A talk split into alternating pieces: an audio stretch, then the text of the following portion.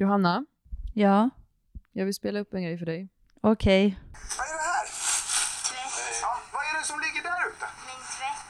Din tvätt. Så det här kan vi inte säga att det här är tvätt. Den tvättar vi inte.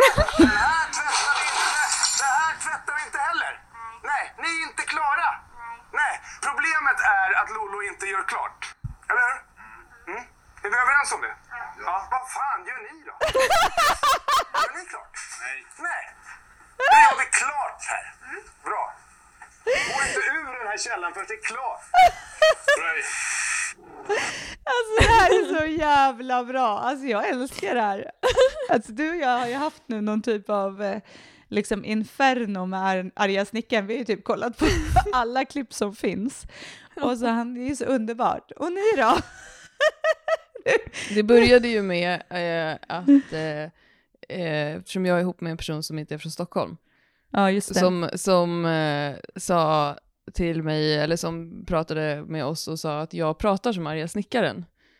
Och sa så här, du måste ju snacka med Agneta, ni måste ju prata med varann.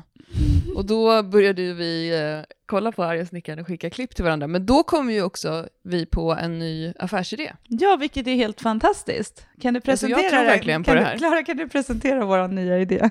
Ja, idén är att vi kommer hem till eh, par, oftast sådana som finns i vår målgrupp, och det är oftast då kanske en kvinna som gillar oss, som lyssnar på Styrkebyrån, men som lever i en heterosexuell relation där eh, oftast då snubben är lite snubbig. Ja. Och så kommer vi dit och eh, styr upp som arga snickaren, fast vi är typ arga jämställdhets-PTn. Hur skulle det kunna låta till exempel? Ja men till exempel så här, vad är det här då? Du har ju inte packat gympapåsen. Har du packat gympapåsen eller? Nej. Nej just det. Nej. Och då tror du att hon ska tycka om dig, att hon ska vilja ligga med dig? Nej. Vem vill ligga med någon som inte kan packa gympapåsen? Alltså, jävla roligt. Och det här då? Vad är det här för något? Är det här en middag? Kallar du det här middag eller? Va? Vad är det här då? Svara då, är det Har här du förberett veckohandlingen? Nej. Nej just det. Nej. Och det har ju hon ja, precis. Vad är det här då? Alltså vet du hur man sätter på ugnen? Vet du vad det här är för någonting? Det är en ugn. Vet du hur man, hur man jobbar med den? Det är en ugn. alltså det här är så jävla roligt. Jag älskar hela idén. Alltså det Mm, jag tror att det skulle funka jättebra. Och vi har även pratat om att man kan blanda, alltså man kan även gå över in på de här sakerna som vi har pratat lite om på sistone i podden kring sex också. Mhm, mhm. Tyckte hon att det var skönt då? Eh, jag vet inte. Du vet inte? Nej. Du har inte frågat? nej, nej, för jag tror, jag, tror, jag tror inte hon tyckte att det var så skönt. Alltså. Ja, jag älskar det. här är faktiskt en helt fantastisk idé. Och eh, vi kommer ta eh, patent på arga jämställdhets-PTn nu. Uh, Johan i Crossfit-tåget tycker att vi ska kalla det för byrålådan. Ja, det, var väl, det var väl ytterligare en addering till det här. I byrålådan Ja, just det, han tycker att vi ska börja saker sälja sexleksaker i en låda. Just det. Som ska Mm. kallas byrålådan. Alltså vi har så mycket bra affärssaker på gång här nu, så det kommer hända mycket grejer här på Styrkebyrån framöver.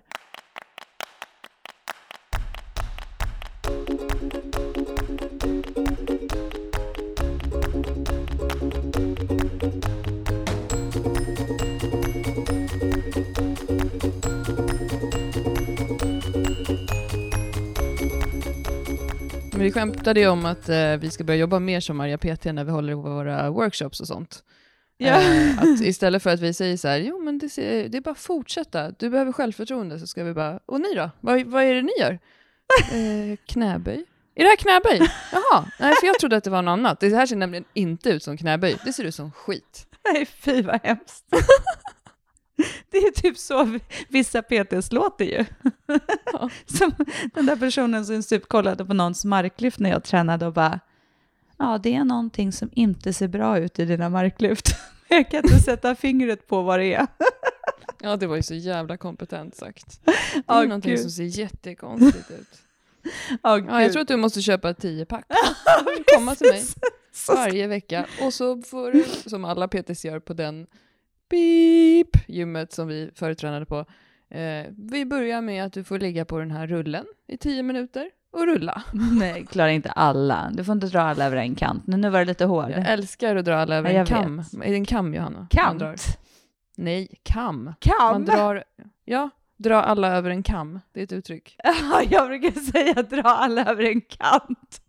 Jag vet, jag vet att du brukar säga det. Men alltså vadå, menar du att man ska typ knuffa ner folk från ett stup? Jag är så jävla dålig på ordspråk. Jag sa också alltid handen i vattnet. Vad menar du med det? Hand i Fisk. handske? Hand i handske och fisken i vattnet. Jag blandar ihop dem lite. Ja. Det är inte Man så ska lätt. inte kräkas vatten på givet mjöl. Eh, nej, nej, det är korrekt. Nej, men eh, så arga jämställdhets-PTn kan man alltså ringa om man vill eh, ha hjälp hemma.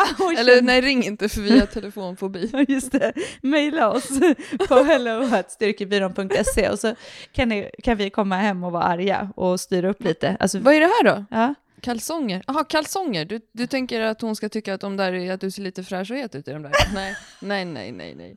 Det där ser inte härligt ut. Och sen så är det avslutas det alltid med så här, okej men vet ni vad, jag ska hjälpa er. Och så blir de jätteglada. Så jag tänkte okej, Nu fixar vi till det här. Klara, du går in med mannen i sovrummet här och Johanna, du tar garderoben. Nej, men okej, det blir skitbra. Alltså det här kommer bli en eh, genialisk, eh, eh, upp, ett genialiskt upplägg. Jag älskar när han bara, problemet är att Lollo inte gör klart. Kan vi enas om det? Ja. Och ni då? Vad fan gör ni? Han är ju bra retoriker. Han ställer endast ledande frågor med Ja. ledande svar. Ja, det, Ja, det älskar jag. ja, nej, det är faktiskt fantastiskt. Alltså det är så jäkla, det, alltså det programmet, det är liksom, man bara, vad hände här?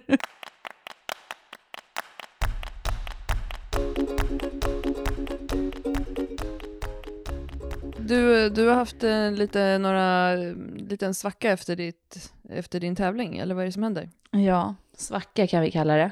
Jag vet inte vad det är för något. Nej, men ja, jag, hade, jag, hade lite, jag har haft lite svacka. Jag har haft, eh, min, min kropp är lite, den vill inte samarbeta med mig. Jag har haft lite eh, kramp i låren. Jag vet inte riktigt vad det är. Jag tycker att jag dricker och äter bra och sådär. Men ja, jag hade lite, jag hade ju typ nästan en veckas uppehåll efter tävlingen. Och sen gjorde jag ett knäböjspass, ändå ganska tungt, fast inte jättetungt, det är liksom, men, ja, men så här ändå ett bra pass. Eh, och Mm. det kändes ändå ganska bra. Eh, och sen så efter det så fick jag typ sjuk träningsvärk och sen någon dag senare när jag skulle träna igen, då har- bara fick jag kramp från helvetet. Så Mm. ja, nu har jag kört massor med överkroppsstyrka i alla fall. Så jag känner mig typ stark i överkroppen. Eh, men eh, ja, jag känner att jag är lite så här, nu ska jag bara låta mina ben vara här någon dag till och sen så ska jag kötta igång igen. Så får vi se hur det går. Men jag känner, eh, jag känner mig liksom inte som att jag är så här, jag är svag, utan jag känner mer bara att min kropp levererar inte.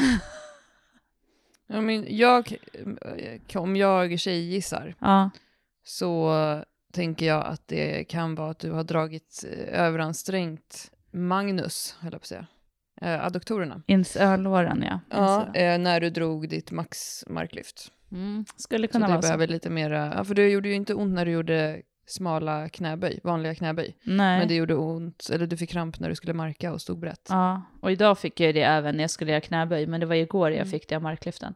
Ja, men, Mm. men grejen är att jag, eh, jag surade lite och sen så, den ena passet körde jag värsta överkroppspumpen och det andra passet körde jag chins. Mm. Så jag har ändå gjort liksom någonting. Så det känns bra. Så nu låter jag det vara lite och sen så sätter jag igång och börjar jobba med min programmering på måndag och bara låter det vara som det är och ökar vart eftersom. Så ska det nog gå bra. Jag tror att det kommer gå jättebra. Du var, du var ju lite nojig när du skulle återgå till träningen efter du hade haft din långa influensaperiod.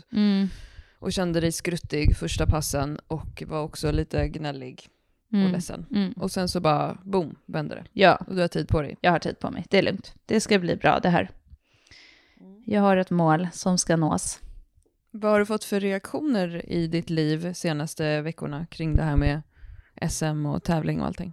Mm, ja, men jättemycket fina eh, reaktioner. Eh, Mm. Alla är väldigt många som är så här, shit, grym du är och fan vad kul och jävla tävlingsmänniska och sådär. men eh, det är jätteroligt och det är så här jättemånga som har skrivit att de ska försöka komma och kolla i Malmö, som dels som bor i trakten och sådär. Och även några som ska resa ner och sådär. Så det känns skitkul och jag är jättepeppad och som, som jag sa tidigare avsnitt att det är ett coolt startfält liksom som jag ska tävla i. Mm. Så det blir några härliga SM-dagar. Jag ska kolla på eh, mina eh, klubbkompisar också som tävlar i olika viktklasser. Så det känns skitkul. Så jag ska bara komma igång. Det är, jag tänker alltid så här, när det är när man har sådana här nä- nä- perioder, okej nu har det varit några dagar, men ändå så här, jag har haft väldigt mycket hybris den senaste tiden. Och när man inte har hybris så tänker jag ändå så här, det är alltid bättre att den här perioden kommer nu än att den kommer precis innan. Ja. Så att man får, man får se det positiva i det och göra det bästa av situationen. Och nu tänker jag bara att så länge det är så här så ska jag kötta på i bänken. Jag gjorde åtta tior med feet up bänk liksom, och så tyckte jag att jag var lite awesome för att jag var stark. ja, men det var väl jättebra. Ja. Det, det här var ju lite det vi pratade om i förra avsnittet när vi pratade om det här med att det kan bli, eh, det kan bli plattfall för vissa personer som sätter höga prestationsmål och när man når dem så Mm. kan man hamna i en svacka. Eh, och just det här att för dig nu att behålla motivationen eh, blir ju liksom ett test av det, därför att ditt toppningsprogram under eh, förra perioden Mm. fokuset med det var ju att du skulle ha hybris och att du skulle att du inte skulle utmana dig så mycket att det fanns risk för att du skulle känna dig sliten eller svag eller någonting. Mm. Utan du skulle gå från varje träningspass och känna dig cool och det gjorde du ju. Ja. ja. Det är klart. Det är ju, alltså det är nog kanske inte heller så vanligt att man går på en sån här toppningsperiod två, så här två, tätt in på varandra. Det vanliga är att man har en lite längre period där man kan bygga lite mer grund och sen så toppar man igen. Eh, Det är väl därför serietävlingarna ligger som de gör i styrkelyftsvärlden Ja. över året. Precis. Så, eh, men, men som sagt, det, är- det är skitsamma. Jag är asglad för det jag gjorde och, och eh, jag kommer att, eh, att komma ut ur det här stark också och jag kommer öka mina vikter, det är inget snack om. Så det, nu är det bara att jag ska, att jag ska släppa de här dagarna som har varit av lite mer liksom, tuffhet i det. Men det är ju skitkul, för när det här, idag nu, när det här eh, poddavsnittet då släpps, så har ju vi i, över helgen haft vår, det här toppningsprogrammet på um, vi har ju, det har legat i vår shop under hela helgen, för vi släppte ju det i fredags. Mm.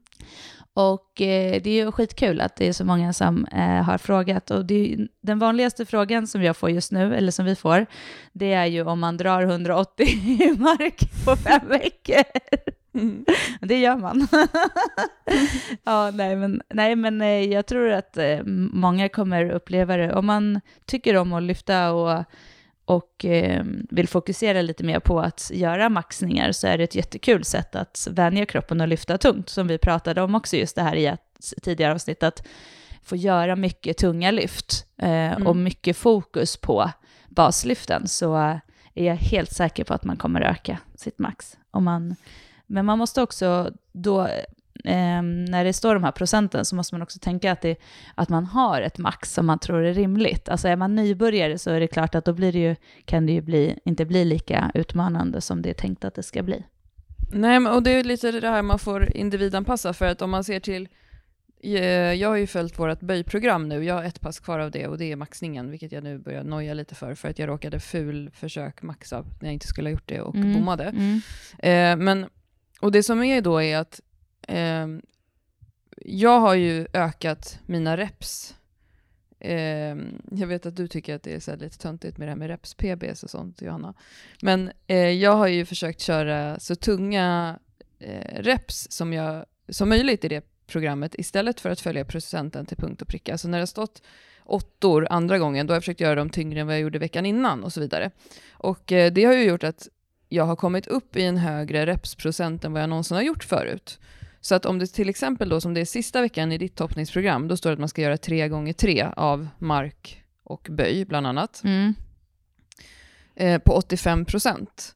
Och jag gjorde sexor på 87,5 procent i böj nu, för att jag har ökat mitt max, jag har ökat så mycket under den här perioden. Då får ju jag använda min hjärna, om jag skulle köra toppningsprogrammet, och tänka så här, aha, eh, 85 procent treor, det blir inte så tungt för mig då. Okej, jag, gjorde, eh, jag gjorde mina eh, sexor sist på 87,5 kilo. Då kanske jag ska försöka göra treor den här gången på 95 kilo. Det har jag aldrig gjort. Mm. Alltså kanske är så man ska tänka istället för att gå exakt Ja. genom eh, eh, procenten. Ja, och det står ju så här på flera ställen, står det så här typ 87 till 90 procent och sådär.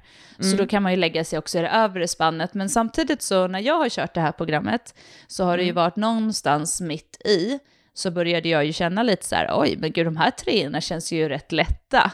Fast jag Mm. har gjort på den procenten som stod. Och då gjorde jag ju så att jag gick lite tyngre. Men jag ökade ju inte massor i treorna för den skull. Utan Det jag ska ju inte kännas som maxlyft. Du ska ju inte gå in och maxa flera gånger i de sista veckorna, utan det ska ju kännas som tunga reps men att de är hanterbara. För en trea ska ju ändå vara en trea, om man ja, säger så. och fortfarande så ha god teknik, för det är ju också syftet i att göra fina lyft. Men Ja. att som klart att det ska inte vara en trea som du hade kunnat gjort liksom sex lyft på utan, vidare, alltså utan problem. Men Mm. grejen är att när jag, jag är lite, ja men jag är lite emot det här med reps-PB, men det är ju bara för att man kan ju inte alltid bara, idag gjorde jag åtta stycken eh, knäböj med, med eh, det här vikten i grön tröja och då fick jag PB för igår hade jag en blå tröja typ. Ja men man får ju ta det lite lugnt med reps-PB, alltså det tycker jag fan är lite överdrivet.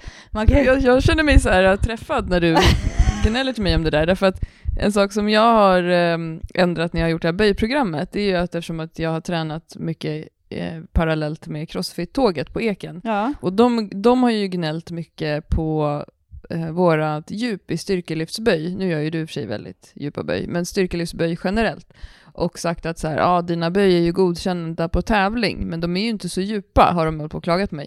Så jag har ju också eh, börjat göra mycket djupare böj, vilket har gjort att eh, det har ju också på ett sätt känts som reps-PB för mig. ja men du kan ju inte säga så hela tiden, det är ju så här, det är ju bara ett sätt för att du inte, för att du har pappsyke. Men håll käften! Jag har inget jävla pappsyke längre. Jag, jag, du såg ju hur djupa mina eh, tvåor på 90 var häromdagen. Jag vet, du är grym. Jag, du har ju skitgrymma knäböj, men jag är ju helt säker på att du skulle kunna ta så jävla mycket mer. För att du gör ju så jävla tunga, många repetitioner på vikter som är tunga. Så du borde fan Ja. bara kunna Och sen så tar det bara slut. Ja, det är det som är så spännande med dig, för det är verkligen så. Alltså, när du gör, kanske inte tvåorna då, att de ser ut som du studsar, men många av dina tvåor som du gjorde, när du gjorde på 100 var det va? Mm. Då var det ju ändå så här, så du bara, "Nej, men den där var tung, och så kollar vi på filmen, jag bara, kolla hur de ser ut. De ser liksom, de är rätt snabba ändå. Alltså, Mm. ja. Och sen liksom bara bam, så tar det stopp. Ja. Alltså det är så jävla spännande. Jo, men vi pratade ju om det, för att mitt, jag vill ju kunna böja 110 nu, det är mitt nästa mål, jag har Ja. gjort 105. Och så gjorde jag, skulle jag gå upp till en maxtung, en dagstung singel och då står det ju i programmet, det är ju någon som har skrivit det här programmet, Som ändå har tänkt till. att det ska vara på typ 90-95% och att man ska känna att man hade kanske en rep till i Just det. sig. Eh, Hur gick det för Det dig? och då gjorde jag en etta på 105 som är mitt max. För att jag kände att jag hade en bra dag. Ja, ja, Eh, och då kände jag, satan vad tung den var. ja. Jag stod och grindade på vägen upp, det kändes som att jag gjorde det i typ fem sekunder, sen när jag såg det på filmen såg jag att det inte var så. ja. Ehm, och det var ju med mitt nya crossfit-djup också. Men då borde jag ju ha stannat där, Det borde du verkligen. eftersom att jag ändå stod där och tryckte ett tag. Ja. Nej, men då gick jag på att göra en till och då gjorde jag ett försök på 110 som jag vill ta och så bommade jag. ja, men du kommer ta Eh, det nästa gång. Och grejen är att ehm, det var väldigt, väldigt, väldigt tungt och det har ingenting med någon pappsyke att göra och det var inte ett böj som fallerade i att jag säckade ihop, att jag inte klarade av att ha vikten på mig eller att liksom, utan jag stod och försökte, jag kom upp, vad är det nu man brukar komma upp, 15 centimeter eller någonting. Mm. Och där tog det slut. Så att det är så här, det var ett för tungt lyft. Men om man tittar på procentuellt 110 mot att göra två år på 100 så är ju det eh, en stor ökning. Mm, Men vad, vad säger du om du säger att du gör åttor på typ 90? Ja, det är jättekonstigt. Johanna. Alltså det är det Nej, som är det så gjorde jag jäkla inte. fascinerande. Nej, jag gjorde sexer på 87,5. Okej, men det är typ samma. Så det, är ju, det är så brutalt mycket reps. Ja, men, men det är ändå spännande. Jag tycker att det är jätteintressant. Jag är ju, har ju också Det gjort... är ju det. Det är ju intressant. Det är samma som, jag kollade på en... Alltså, På bänk upplever jag att det är sådär oftare. Att det bara tar slut menar jag. Ja, men precis. Ja, det är sant. Där, där är du jätterepstark. Men du är Nej, men jag menar, nej men inte jag, jag menar generellt att må, alltså så här, när du säger att jag borde klara 110 för att jag, gjorde, för att jag, kan, för att jag är så repstark. Ja. Men det är också så i bänk upplever jag att det är så här, lägg på 2,5 kilo till och så är du rökt. Ja, jo men så bänken är ju lite känsligare ändå. Men, ja, Mm. ja, men det är intressant. Det ska bli kul. Jag, du kommer ta 110, jag är helt säker på det. Ehm, det är ju, eh, det, men det, det är jättekul för vi pratade ju sen om procenten och så började vi räkna på, Mm. på procent. För det var också en sån sak som en eh, Mattias heter han som är coach på Crossfit-eken, när jag skulle göra eh, marklyft och göra så här tunga lyft. Det var nog när jag gjorde mitt 170-lyft faktiskt första gången. Så pratade vi om, så sa jag så här, det är så konstigt med marken för mig, för jag kan tycka typ så här 15 kilo liksom kan det skilja på ett så här tungt Alltså när jag ska göra typ maxlyft, att jag känner så här, oj, hur fan ska jag kunna få upp 15 kilo till? Och han, då sa ju han så här, bara, men Johanna, du får ju tänka på att när du drar 170 kilo, fem, eller 10 procent på det är ju liksom eh, 17 17 kilo. kilo. Och det är så här inget konstigt att du def, diffar 10 procent i dina maxlyft om du har en dålig dag och så vidare. Och då Nej. fick jag lite så här, aha, alltså lite, ja, men lite så här, eh, jag har inte alls tänkt så när man börjar komma upp på de vikterna, att procenten blir ju ganska många kilo. Mm. Eh, och det är ganska intressant, för då fick jag också så lite bild av, bara, ja just det, det stämmer ju ganska bra. Ganska stor Ja. skillnad på liksom 170 och, och eh, eller ja men 170 eller liksom 153 eller vad det blir, det är 17 kilo ifrån. Mm. Och 153 är ändå så ganska lätt vikt för mig, så det är ändå, men ja, det är stor skillnad. Mm. Det, man får, ibland så tänker man inte riktigt på att räkna. Nej, precis. Och, men just det jag menar med toppningsprogrammet också, att vet du mer i att du har gjort mycket ökningar på sistone och att repsen känns lätta eh, på höga vikter, ja men då får du ju såklart höja lite till i toppningsfasen. Mm. Men det är fortfarande inte så att du ska gå in och göra maxlyft, utan står det att det är en trea så är det en trea. Mm, precis, ja men det är exakt. Och att du ska ju fortfarande göra alla sätt. Det är ju typ när det är så åtta treor, man ska ju, det är ju lätt att ha lite hybris i början, men efter typ sex treor på 85 procent, då börjar man ju känna i kroppen. Ja, exakt. Så det är ju, men ja, det ska bli kul att se vad folk tycker om det programmet och när de kör det, hur det känns och sådär. Det blir jättespännande. Ja, alltså programmet är upplagt för fem veckor där sista veckan är tävlingsveckan. Eller om man då ska just maxa i övningarna, man kanske inte ska tävla, så är maxningen det sista passet. Och det är baserat på tre pass i veckan, för det är det du har kört. Och det är baserat på din kropp och dina reps och vad du har hanterat. Men det är omräknat i procent och det får man också då individanpassa till. Men grunden för det ligger ju i eh, toppning och eh, vår kunskap om toppning och sen så har vi individanpassat det. Så Mm. det är ett program som, eh, som många kan köra. Och kör man fler dagar i veckan än de här tre, då får man också tänka till lite hur man vill lägga upp det. För dig gick det jättebra att träna i ett halvår tre gånger i veckan och få fantastiska gains. Ja, men jag har ju gjort, det ska man ändå tänka på, det är inte så att jag börjat träna mindre eller mer, utan jag har ju alltid kört, eller alltid, men sen jag började satsa på det här nu, efter i typ, vad var det, oktober, november någonstans, eh, då har jag ju kört tre pass i veckan, så för mig är ju tre pass väldigt eh, eh, lagom. Sen ska man ha respekt för att passen kan ta lite längre tid nu, för det är ju rätt många sätt man ska gå igenom. Så, Ja. att, eh, så att det liksom, det tar ju, passen tar ju längre tid, så vill man träna det kortare pass får man väl titta på hur man kan, om man vill liksom flytta isär något av passen Mm. och göra dubbla, liksom två pass av det. Ja. Men eh, ja, ja, men spännande att se vad folk tycker och tänker. Mm. Sen så har vi ju ett program till, Klara. Ja, och det har vi gjort på efterfrågan, för vi la ut i sociala medier för ett tag sedan och frågade vilka, vad önskar ni för program? Och då var det jättemånga som skrev eh, bodybuilding för fler dagar i veckan och vi har ju vårt program Bli en badass hypertrofi.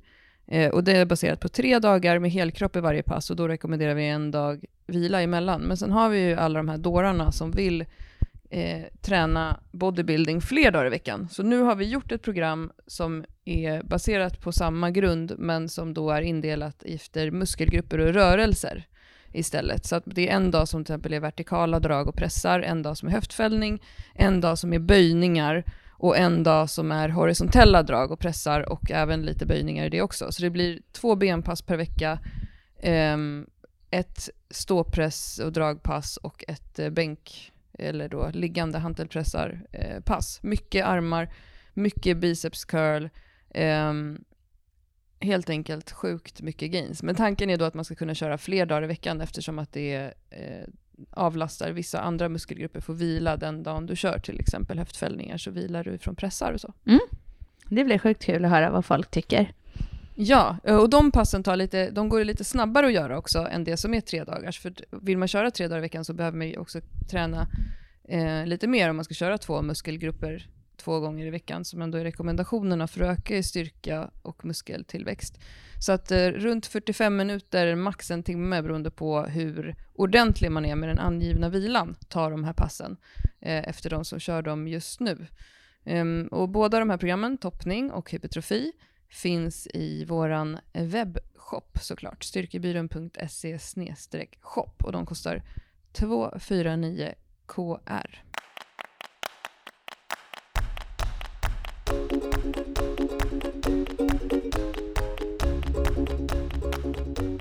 Men du, idag ska vi prata om någonting som vi får väldigt mycket frågor. Om jag säger så här, den här frågan, vad säger du då? Kan jag köra bli en beefcake tresplit om jag har ont i axeln? Mm. vi får mycket frågor om smärta och många idag har ju smärta och många av våra PT-kunder har smärta någonstans också. Eh, och nu har du lite smärta, eller vad man vad du nu har på insida lår. Själv har jag lite slitna armbågsleder efter alla tunga böj som jag har gjort på sistone. Ont är någonting som kommer med ålder, eh, stillasittande vardag, eh, ensidig belastning i vardagen, olyckor, eh, men också eh, av att man bara helt enkelt är lite otränad eller att man kör lite för hårt. Så att det är någonting som drabbar väldigt många. Och det är såklart att många frågar om hur de ska tänka kring det. Jag tror att väldigt många blir påverkade av sin smärta eller sin skada för att det är svårt med motivationen kring, speciellt om man är en person som tränar mycket, om man får ont någonstans. Hur tänker du? Ja, det tror jag definitivt. Alltså många hamnar i, om man får ont någonstans, så hamnar man lite i det här, jag kan inte göra någonting och nu måste jag bara, har jag bara ont och då måste jag göra de här tråkiga övningarna. Eh, så för det första, om, man, om det vi liksom rent krasst, så är det så här, du kan köra alla program, men du kommer behöva anpassa dem. Så, alltså jag menar mest bara att du kan ju alltid köra saker, men du måste alltid anpassa dem efter din smärta. För vårat nummer ett är ju alltid att har du smärta så är målet att bli av med smärtan. Men för det sagt så är det ju inte så att bara för att jag har en smärta i en axel och inte kan till exempel, vi säger att jag inte kan göra vertikala pressar, så finns det ju inget som säger att jag inte kan träna annat. Kan jag fortfarande använda axeln och göra mina böjer, jag kan marka och jag kan göra dragövningar och så vidare och så vidare. Då kan jag fortfarande göra dem fullt ut med en styrkeprogression och med ett, ett mål att bli starkare i dem. Men eh, jag ska fortfarande ta hand om min axel och jobba med rehaben för axeln och det som krävs, alltså för att bli bra i den. Eh, och sen så får jag liksom se till att den blir eh, att den blir bättre. Sen kan det ju vara så att man har smärta som gör att man kan göra lite av de övningarna. Så jag kan pressa, fast jag kan bara pressa lätta vikter. Ja, men då kanske det är så att jag gör det för att träna upp den. Men mm. där måste man ju, har man smärta som man inte vet om var den kommer ifrån eller att man är orolig eller att den inte blir mindre och så vidare så är det ju alltid så här, vi tar ju aldrig, alltså vi diagnoserar aldrig någon, det har inte vi absolut inte eh, rätt att göra, och, utan vi skickar ju alltid personer i fråga till en fysioterapeut i sånt fall, om vi, om vi mm. har kunder som kommer och har ont och vi ändå vill träna. Sen kan ju vi ja. alltid, alltså vi tränar ju alltid personer så länge de har, alltså så länge det funkar för dem att träna, om det är en axel som strular och så vidare, så gör ju vi precis som en fysioterapeut och testar oss fram. Alltså, funkar det här? Ja, men då gör vi det här. Får du ont av det här? Okej, du fick lite ont, då backar vi bandet. Alltså, så att mm. jag tror att det som, är, det, det som är för de flesta är just att de blir lite så här satta i liksom, eh, ja men så här, satta i en båt tänkte jag säga. Det var inte alls något bra uttryck. Alltså man känner lite att man inte vet vad man ska göra och man blir lite rädd för att träna istället för att mm. tänka så här, vad kan jag göra? Bra, jag kan göra det här, då gör jag det. Ja, precis. Alltså, många hamnar i det här, vem är jag? Och då blir det ingenting gjort istället. Exakt, exakt. Eh, men vi, brukar, vi har ju tagit upp det flera gånger att eh, vår kompis Lina, som också är admin i vår Facebookgrupp, hon eh, är ju gammal klättrare från början och klättrat jättemycket. Och det var liksom hennes, hon var klätterlina för mig. Eh, innan hon skadade sig. Hon lyckades till och med vara så klantig så hon ramlade ner två gånger och skadade samma ledband i knät. Ett korsband var det va, förresten. Ehm, eh, och fick operera och andra gången tror jag att inte hon opererade, jag minns inte hur det var. Men det hon gjorde i alla fall då under all tråkig rehab var ju att hon bestämde sig för att ta sin kroppsvikt i bänkpress. Ja. Så hon började bänka tre gånger i veckan och samtidigt när hon gick till gymmet och gjorde sina bänkpass så gjorde hon sina rehabövningar. Och det tycker jag är ett jättebra mindset att jobba med när man har ont någonstans. Hitta någonting annat du kan göra och bli stark och bra på det. Därför att också det som händer, även när man eh, eh, ökar i bänkpress och man har ont i knät, så kommer det ge liksom ett positivt påslag hormonellt och eh, muskulärt för hela kroppen. Exakt. Så hitta det positiva i träningen som du kan göra och där du kan satsa och göra det du vill. Och sen Mm. slänger du med rehaben på köpet. Och rehab kan man ju tycka är tråkigt, men det är ju någonstans så måste man ju tycka att det är tråkigare att ha ont än att göra sina övningar. Så är det ju bara. Ja, och det är ju jätteofta som jag, som även du också som PT träffar folk som är så här, ja men jag höll på med den här sporten eller jag gjorde det här och sen så skadade jag mig och nu, så nu tränar jag ingenting. Eh, och det är ju just, tror jag, för att många inte orkar och just det här att man inte riktigt orkar bestämma heller sig för att bli någon annan och göra någonting annat. Men faktum är att blir man den där bänklina eller vad som helst under tiden så kanske man hittar en ny motivation till också att träna på något annat sätt. Eh, det finns ju kanske en anledning också till att man skadade sig ibland. Absolut. Som du säger, rehabövningar, ja de är sjukt tråkiga. Men om man kan liksom fluffa in dem i någonting annat. Jag tror att till exempel om du hade skadat dig på riktigt nu Johanna, så Mm. hade du inte haft något problem med att göra dina rehabövningar om du visste att det skulle ta dig vidare mot ditt mål. Nej, absolut inte. Och sen sagt, man kan ju, man får tänka att man liksom smyger in dem. Man får göra någonting i uppvärmningen och så gör man uppvärmningen till typ bänken om man nu har problem med knät. Och sen så Mm. får man bänka och sen efteråt så gör man kanske sina assisterande till bänken. Så lägger man in några, mellan varje set kan man ju lägga in sina eh, knäövningar då till exempel. Alltså just att man gör det på ett bra sätt så att man inte hamnar i det här så här, jag ska varannan dag göra det hemma efter middagen och så är man så här sjukt omotiverad att göra det då, utan att man lite skapar förutsättningar som vi har pratat om eh, tidigare just med att motivationen kommer inte till dig, den måste du skapa. Mm. Och det är lite samma i, i eh, rehaben, att du måste ju skapa motivation för det och då måste du ju eh, sluta att identifiera dig med att du är en skadad person, att du är skadad och ont, utan du får identifiera dig med någonting annat som du sa, bänklina. alltså att, att, att skapa dig någonting som du kan hänga upp din träning på och där du får det positiva från träningen. Ja. Så det är väl superbra. Men vad heter det, jag tänker också så här just det här med, med smärta och sånt, om man har ont eller får ont och så, så brukar ju du ha ju alltid så här, du ställer ju alltid kloka frågor som vi har fått. ja men som vi också Ja. har fått rådet av när vi jobbade med flera stycken fysioterapeuter med träning eh, och samarbetade just med, så var, fick ju vi alltid så här, ställ alltid de här frågorna till din kund om den har smärta. Ja, de frågorna är ju först och främst såklart, när kom smärtan? Eh, kom den under ett träningspass eller eh, kom den eh, när du låg i soffan på kvällen?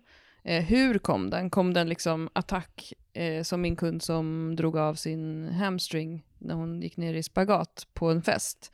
Då vet man ju ganska tydligt vad det var som hände. Eller kom det liksom smygande? Att det liksom är någonting som successivt har ökat under tid. Och om man sen går in i själva rehabfasen eller den fasen efteråt så också kommer, är det så att smärtan kommer under träning, alltså till exempel om du har ont i knäna, kommer, de, kommer smärtan när du gör knäböj och sen försvinner? Eller kommer smärtan efter träning? Och eh, det som är liksom inom citationstecken det, det sämsta om man har smärta, det är ju att man får smärta efter träning som också sen stegrar i intensitet. Att du till exempel dag två dag tre har ännu mera ont. Då eh, har man ju verkligen ett riktigt smärtproblem. Därför det är ju så att om du har gått till till exempel en fysioterapeut som både du och jag tjatar mycket om nu och som vi tycker är superskönt när våra kunder gör. Eh, jag har till exempel en kund som har lite knäproblem. Eh, då har hennes fysioterapeut sagt till henne att det är okej att det gör lite ont Mm. när du tränar knäna. Så till exempel så gör vi ganska mycket, vi har gått från grunda step up till att nu göra lite högre step up. Och då känner hon, har hon känt av knäna under passen och då har hennes fysioterapeut sagt till henne att du får ha en smärta på ungefär 1 till 4 Mm. av 10 när du tränar. Men inte mer och det ska inte bli så att det kommer eh, smärta på kvällen och det ska inte bli så att smärtan ökar efteråt. Men kommer det lite smärta när du gör de här knäspecifika övningarna under passet så är det okej. Men grejen är, det kan ju du och jag aldrig vi kan aldrig ordinera detta till en kund, för vi har inte den legitimationen, vi har inte den kompetensen, vi kan inte friskriva oss från det. Nej, det kan vi inte. Så därför är det ju superbra att man har tagit hjälp av någon och sen kommer till oss. Eh, Mm. Och just när man sen ska träna för att man tycker det är svårt, eller att, för jag har också kunder som har haft, som har knästrul, som har varit hos fysioterapeuter, och där det också är så här att, att eh, just det här skillnaden på att det är smärta och att det är ett obehag, eh, det också upplever jag, jag har inte haft eh, liksom, den smärtproblematiken, men för många av de kunder som, som jag har i alla fall, som jag eh, tränar, som har den känslan just att de har eh, lite strul. Och oftast kommer de ju till oss för att få hjälp med det, inte att de... Mm. Ja. Och då just att det här att, att den här, det är svårt i början för dem att bedöma om det är då den här smärtan man får ha eller o... eh, Jag har ju till exempel kunder som får ha lite, det får vara lite oskönt i knäna, det får göra till viss del lite ont, men det ska inte liksom det ska inte vara så att det håller i sig genom hela, utan det är okej, okej om det är så till exempel innan de blir varma och så vidare. Och jag menar, det är också så här just att bara kunna bolla det, för många är ju också lite så här, det är svårt att avgöra. Och då kan man ju också, som jag brukar göra, då kan man också backa lite, eller att så här, men då testar vi att göra mot boxen nu och värma upp först, och sen tar vi bort boxen och gör med stång till. Alltså att, att eh, har man den kunskapen kan man ju alltid testa sig fram eh, och hjälpa dem och vägleda dem så att det blir bra. Så då har ju- jag har flera kunder som börjar sina böj med att alltid göra böj med eh, vikten fram och så jobbar vi lite med, mot en box och sen i slutet av passet, eller slut, liksom när de har gjort den delen, då kan de göra vanliga knäböj med skivstång utan att det känns i knäna. Mm. Eh, Så att, och det handlar ju om att man har då det med sig från den här fysioterapeuten, att det är okej. Skulle en person komma till mig som inte har varit hos fysioterapeut och säga så här, jag får ont när jag gör så här, eh, och det känns Ja. oskönt, då skulle jag bara, okej, stopp, då gör vi inte det här. Alltså, så att det, är, ju- Mm. det, är alltid, det är alltid bra, att, eller, och det är alltid så att man ska gå, om man är oroad, då ska man ta hjälp. Alltså det finns Ja. ingen idé att komma till oss och så om man är orolig, för vi kommer inte kunna göra mer än absolut att träna och göra sånt som inte gör ont. Det kan ju vi också göra, men vi kan ju inte liksom, vi kan inte säga så, att så här, det är okej om det är lite oskönt. Exakt, precis. Eh, och just som du sa nu, det är ju ett jättebra råd. Om du känner dig orolig över din smärta, kolla upp det. Gå gärna till någon med legitimation, en, en, en fysioterapeut. Gå gärna till någon om du, som de flesta som lyssnar på den här podden, är en person som tränar mycket, så gå till någon som också är en fysioterapeut som är intresserad av träning och som vill ta dig ifrån ditt smärtläge till gymmet och göra de övningar du vill göra. Alltså inte någon som har som mål att du ska vara smärtfri när du sitter vid datorn. Nej, För det är också lite skillnad. Absolut, absolut. Man måste ju också vara noga med att vis- säga vad, vad man ställer för krav på sin kropp, för det är ju jättestor skillnad. Om Mm. målbilden är att kunna böja 100 kilo, eh, så är ju det en helt annan, eh, liksom, även om det är smärtfria först, så har man ju en annan målbild än en person som säger så här, jag måste kunna gå. alltså, Exakt.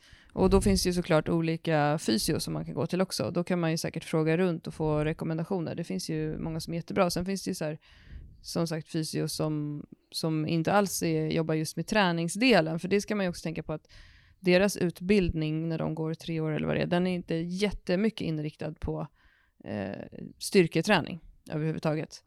Eh, Så det måste man också vara tydlig med. Och en sak som man också behöver vara tydlig med när man går till en terapeut är att man vill ha övningar mm, av den personen som eh, man vill göra för att sen komma tillbaka och checka av att det har blivit bättre. För det är ju också ku- alltså klienter, eller vad man nu kallar det när man är fysio, då- dåliga på. Att eh, veta vad det är de ska förvänta sig när de går till någon, vilket också gör att när de går till någon så kanske de inte heller får eh, det som de behöver. För vissa går bara till någon som de, alltså som fysion förväntar sig bara att den ska ge någon slags diagnos eller säga vad det är, men skickar inte vidare någon slags hemläxa. nej, men det kan man alltid kräva när man går till en, alltså man får övningar att jobba med, och Mm. att man ska komma tillbaka och, så, och kolla på det. Mm. Och det är ju svinbra. Och man kan ju också ofta hitta fysioterapeuter som är landstingsanslutna också. Ja. Så behöver det inte heller bli den dyraste historien. Så det finns ju alla förutsättningar att bli bra när man har ont någonstans. Ehm, och eh, Johanna, du har ju två tips som du eh, brukar också ge vid smärta, hur man ska tänka. Ja, precis. Alltså det ena, eh, första som, som jag alltid säger till kunden och som du också gör, det är ju att har man ont i knät så är det oftast inte i själva knät som problemet sitter, utan att fokusera lite extra på närmsta led. Alltså eh, gäller det knät, kolla på höftled och säte.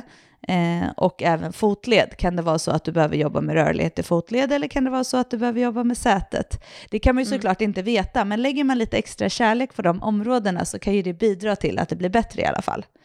Eh, Ja, det finns ju någonting som kallas för the joint by joint approach när Exakt. det handlar om träning och fysioterapi. Och det är att för varje, led, eh, för varje instabil led behöver vi ha en stabil led. Alltså vi behöver ha rörliga fotleder, då behöver vi ha stabi, stabila knän. Vi behöver vara rörliga i höften, vi behöver vara stabila eh, och rörliga eh, i bröstryggen. Och samma sak gäller handleder, armbågsleder. Alltså titta på alla omkringliggande leder och strukturer. Mm. Så jobba lite extra där. Det kan vara att du behöver stärka det området, det kan vara att du behöver öka rörligheten. Eh, Nummer två är ju att göra eh, isolerade övningar kring, för muskler som ligger kring den leden för att stärka upp. Och då kan det ju vara så, för det kanske är så att man har då eh, ont i knät, att man jobbar lite med framsida lår och baksida lår till exempel, lite extra. Eh, f- och sen så eh, kan man ju då, för att kunna göra till exempel knäböj eh, utan att få ont. Men som sagt, det här är ju alltså, eh, det här är ju, nu pratar inte jag om att man ska så här, självdiagnosera och säga bara, "Ah, jag är nog orörlig i höften. Men, men tittar man just på på m- många som går hos fysioterapeuter så är det ju också så som de jobbar, att man tittar på eh, närmsta leder. Mm. Eh. Och just att eh, om man blir stark i hela kroppen, vill säga om man till exempel gör bänk då fast man har knäproblematik, så hjälper det oftast till. Eh, dels att hålla sig skadefri framöver, men också eh, påskynda, alltså det ger en positiv eh, process i hela kroppen. Mm, absolut. Men, eh, och många gånger som eh, folk vi träffar som har lite smärta, de blir faktiskt smärtfria av att eh, få träna styrketräning.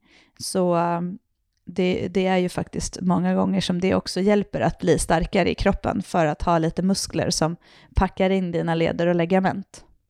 Verkligen, och just det här, eh, jag har lite ont i min axel så jag tränar inte. Det är, eh, det är ingen bra approach om man vill bli smärtfri. Nej, man kanske inte ska köra padelen som man har kört, utan man kanske snarare ska fokusera på att få lite styrka kring den och rörlighet Mm. kanske i bröstrygg och så vidare.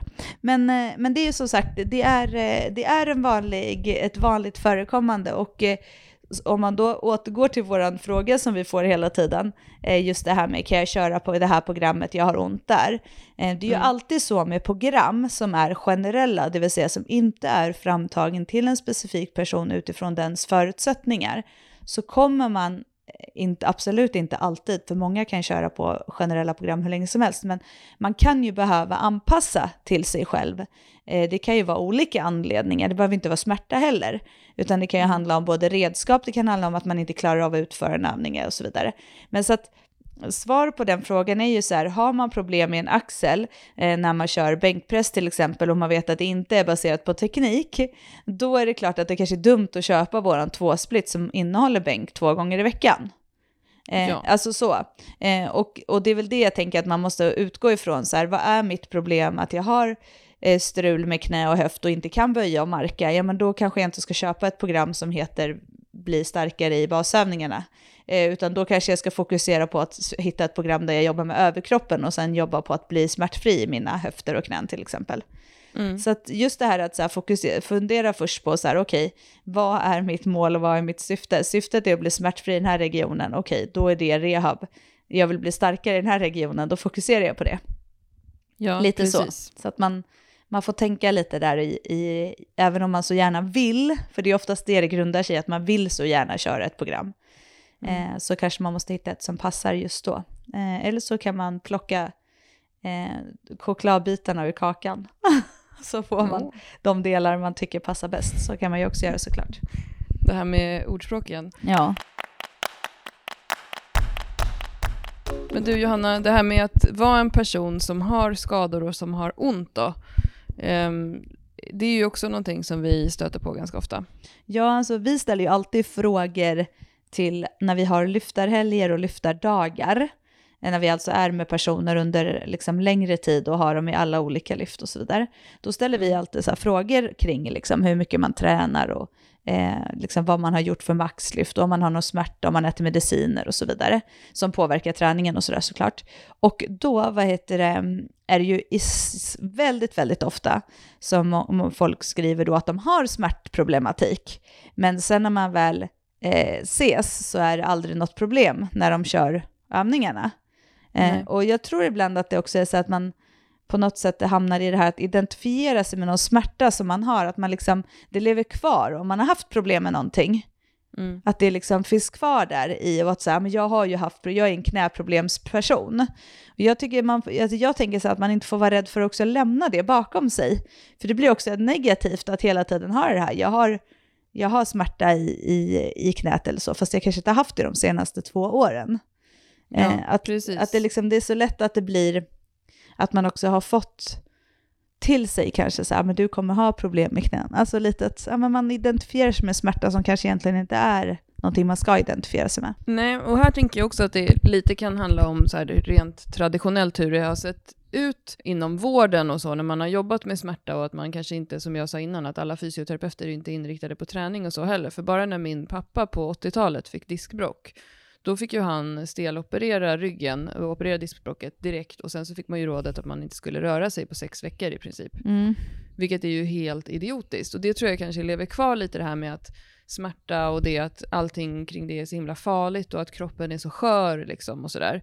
Och det händer ju ofta att vi läser eh, sådana här behovsanalyser som vi brukar kalla det, där någon skriver så här, mitt ena ben är lite längre än det andra benet, vilket lett till att jag är väldigt o- sid, stora sido, styrkeskillnader sido, för mina olika sidor av kroppen. Och det är ju sådana grejer som ehm, jag också har fått höra när jag har gått till naprapat någon gång. Att så här, ja det här benet är lite längre än det andra. Men grejen är det man ska veta är att så, det har ju alla. Alla har olika långa ben och alla har olika starka sidor.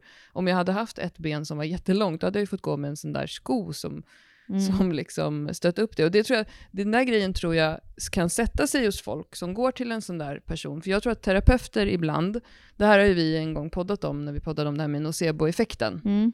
De kan lite så slentrianmässigt eh, dra, de, de pratar, när de har någon som ligger där på britsen så pratar de och säger saker som den här personen egentligen inte alls behöver höra. Alltså, du och jag kan ju ha en kund framför oss så vi ser så här, okej den här personen har inte så mycket muskulatur mellan skulderbladen.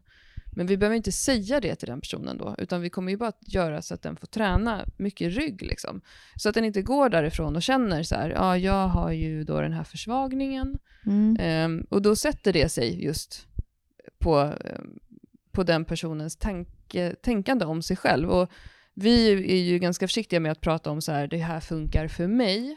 För så är det ju verkligen absolut inte. Men jag kan ju själv säga att när jag slutade se på mitt eh, skadade ben som någon slags rehabben eh, och att jag hade någon så här nedsättning och började göra tunga knäböj istället, då löste sig ju allt för mig. Ja, du har ju haft, en, så var det ju lite i början när vi började träna. Då var ju Mm. du så här, men jag kan inte göra det för mitt ben och jag har skruvar i benet och knät, jag kommer vara sned och så här.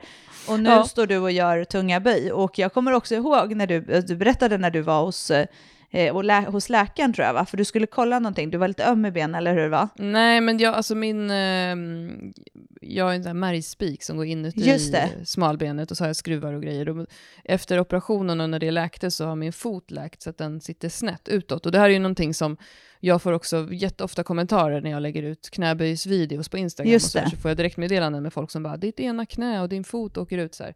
Och bara häromdagen så när vi satt i solen utanför eken så sa eh, Olle i tåget bara, fan är du lite kobent eller? Så här. Och, då, så, och så sa jag så här, kolla det är min ena fot. Och då, um, det är ju så här, ja, för man tänker inte så mycket på det annars, men då gick jag på en sån här kontroll för att, jag blev erbjuden att operera om det. Just det, det var så det var ja. Just. Eh, och, då gör, och då gör man ju en så här funktionsanalys. Och då kommer vi fram till att eh, med den funktionen jag hade så behöver man inte det. Det som, det, det som är för mig är, nu gjorde jag 300 hopp igår, eh, så idag har jag ont i mina skruvfästen under knät. ja, Ehm, och eh, jag har tagit bort två av skruvarna, men jag har kvar en del. ja. Och, sen, ehm, och sen så ser jag ut lite som en idiot när jag springer, för att mitt ena, jag har inte helt känsel heller på utsidan på min fot. Och den, så den, och den släpar liksom efter lite så nervmässigt tror jag, eller någonting. Men. Så att den ser ut som en liten paddel när jag springer. Klara, du ser inte ut som en idiot, du är så hård mot dig själv. men alltså, Men- jag bryr mig nej, ju men inte. Det är det jag Du kan menar. ju inte Alltså, säga jag, sådär. Det är ju skitknäppt. Nu ska jag säga dig, nu skärper du dig. Det jag ville säga med det här, det var ju inte att du skulle prata om det, att du såg ut som en idiot när du springer. Det är ju att de var ju så här lite så här, ja du kommer nog inte kunna göra så tunga böj. Alltså du vet så här, de var, du får nog bara gilla läget. Mm, du, Eller operera om och Ja. göra ny rehab och allt sånt där. Exakt, men det har ju du eh, bevisat att du uppenbarligen kan. Och det är ju verkligen det här att sluta och identifiera. Du hade ju kunnat valt att identifiera med det här och fortsätta säga så här, men jag kan inte göra utfall och jag kan inte göra Mm. så här. För att, Boxhopp. exakt, medan nu gör du det och du har blivit starkare, vilket gör att det, det, det gör liksom inget om ditt knä snu, så här, vabblar in lite eller att det blir Men jag kommer, så. aldrig, jag kommer aldrig få det att vara helt rakt, för att Nej. det, mitt ben sitter ju snett. Och, jag menar, men, och precis, så när jag slutade identifiera mig med att jag hade någon slags skada eh, och började göra övningar för att bli starkare i hela kroppen, så blev jag ju starkare i hela kroppen, vilket ledde till att skadan syntes mindre och mindre. Och de flesta som träffar mig och tränar med mig och inte vet om det här, de märker nog inte ens det. Nej, för det syns inte för gemene man. Det syns inte i ditt vardagliga heller. Det är ju sådär när du gör tunga böj, eller det kan synas lite när du gör utfallet. För att ja, Mm. för att det är, det, ditt knä kommer att peka lite åt ett annat. Alltså det är ju inget konstigt. Mm. Foten är för fan sned.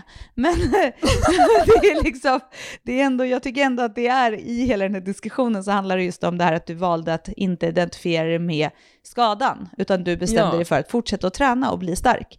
Och, Ja, och då, jag tror att det handlar mycket om det här som vi pratade om i förra avsnittet också, faktiskt, att ha ett, ett större mål också, och ett attraktivt mål med det. För att eh, om man tittar på alla idrottare genom åren som jag har känt som håller på med kampsport eller vad det nu är, de skadar ju sig som djur hela tiden, men de har ju hela tiden det här målet i sikte, att de ska komma tillbaka eh, och träna. Och då blir det ju mer lättmotiverat då, och lättare också att släppa den här eh, identiteten som den här personen som har ont. För precis som du sa, vi får ju alltid liksom tio personer skriver om sina olika skador och sen när vi har våra lyftarhelger så ser vi inte ens vem det är som har skrivit vad. Det nej. syns inte på någon. Och ingen har ont i det de gör. Och de, om det är någon som är lite förkyld eller någon som har lite ont i ryggen så klart att de inte gör så här, de tyngsta övningarna. Men ehm, det är ju väldigt tydligt att folk tror att det är någonting som påverkar dem mer än vad det gör. Ja. Men jag tror att det här just med att identifiera sig, det är ju, det är ju svårt, för det är också många personer som vi träffar som, ehm, som kanske har gjort en stor resa när det gäller kroppen. Det kan vara att de har kanske gått från att varit en liten, liten spinkis eh, till att blivit starkare och har mer muskler och kan ta i mer också, att man fortfarande identifierar sig med den där personen man var innan. För att många personer runt om inte heller har eh, liksom ändrat identifieringen av den personen. Och jag tror att det är just den här grejen med att, att liksom släppa och gå vidare och inse att man är någonting annat. Det är inte så himla lätt. Släpp liket! Exakt.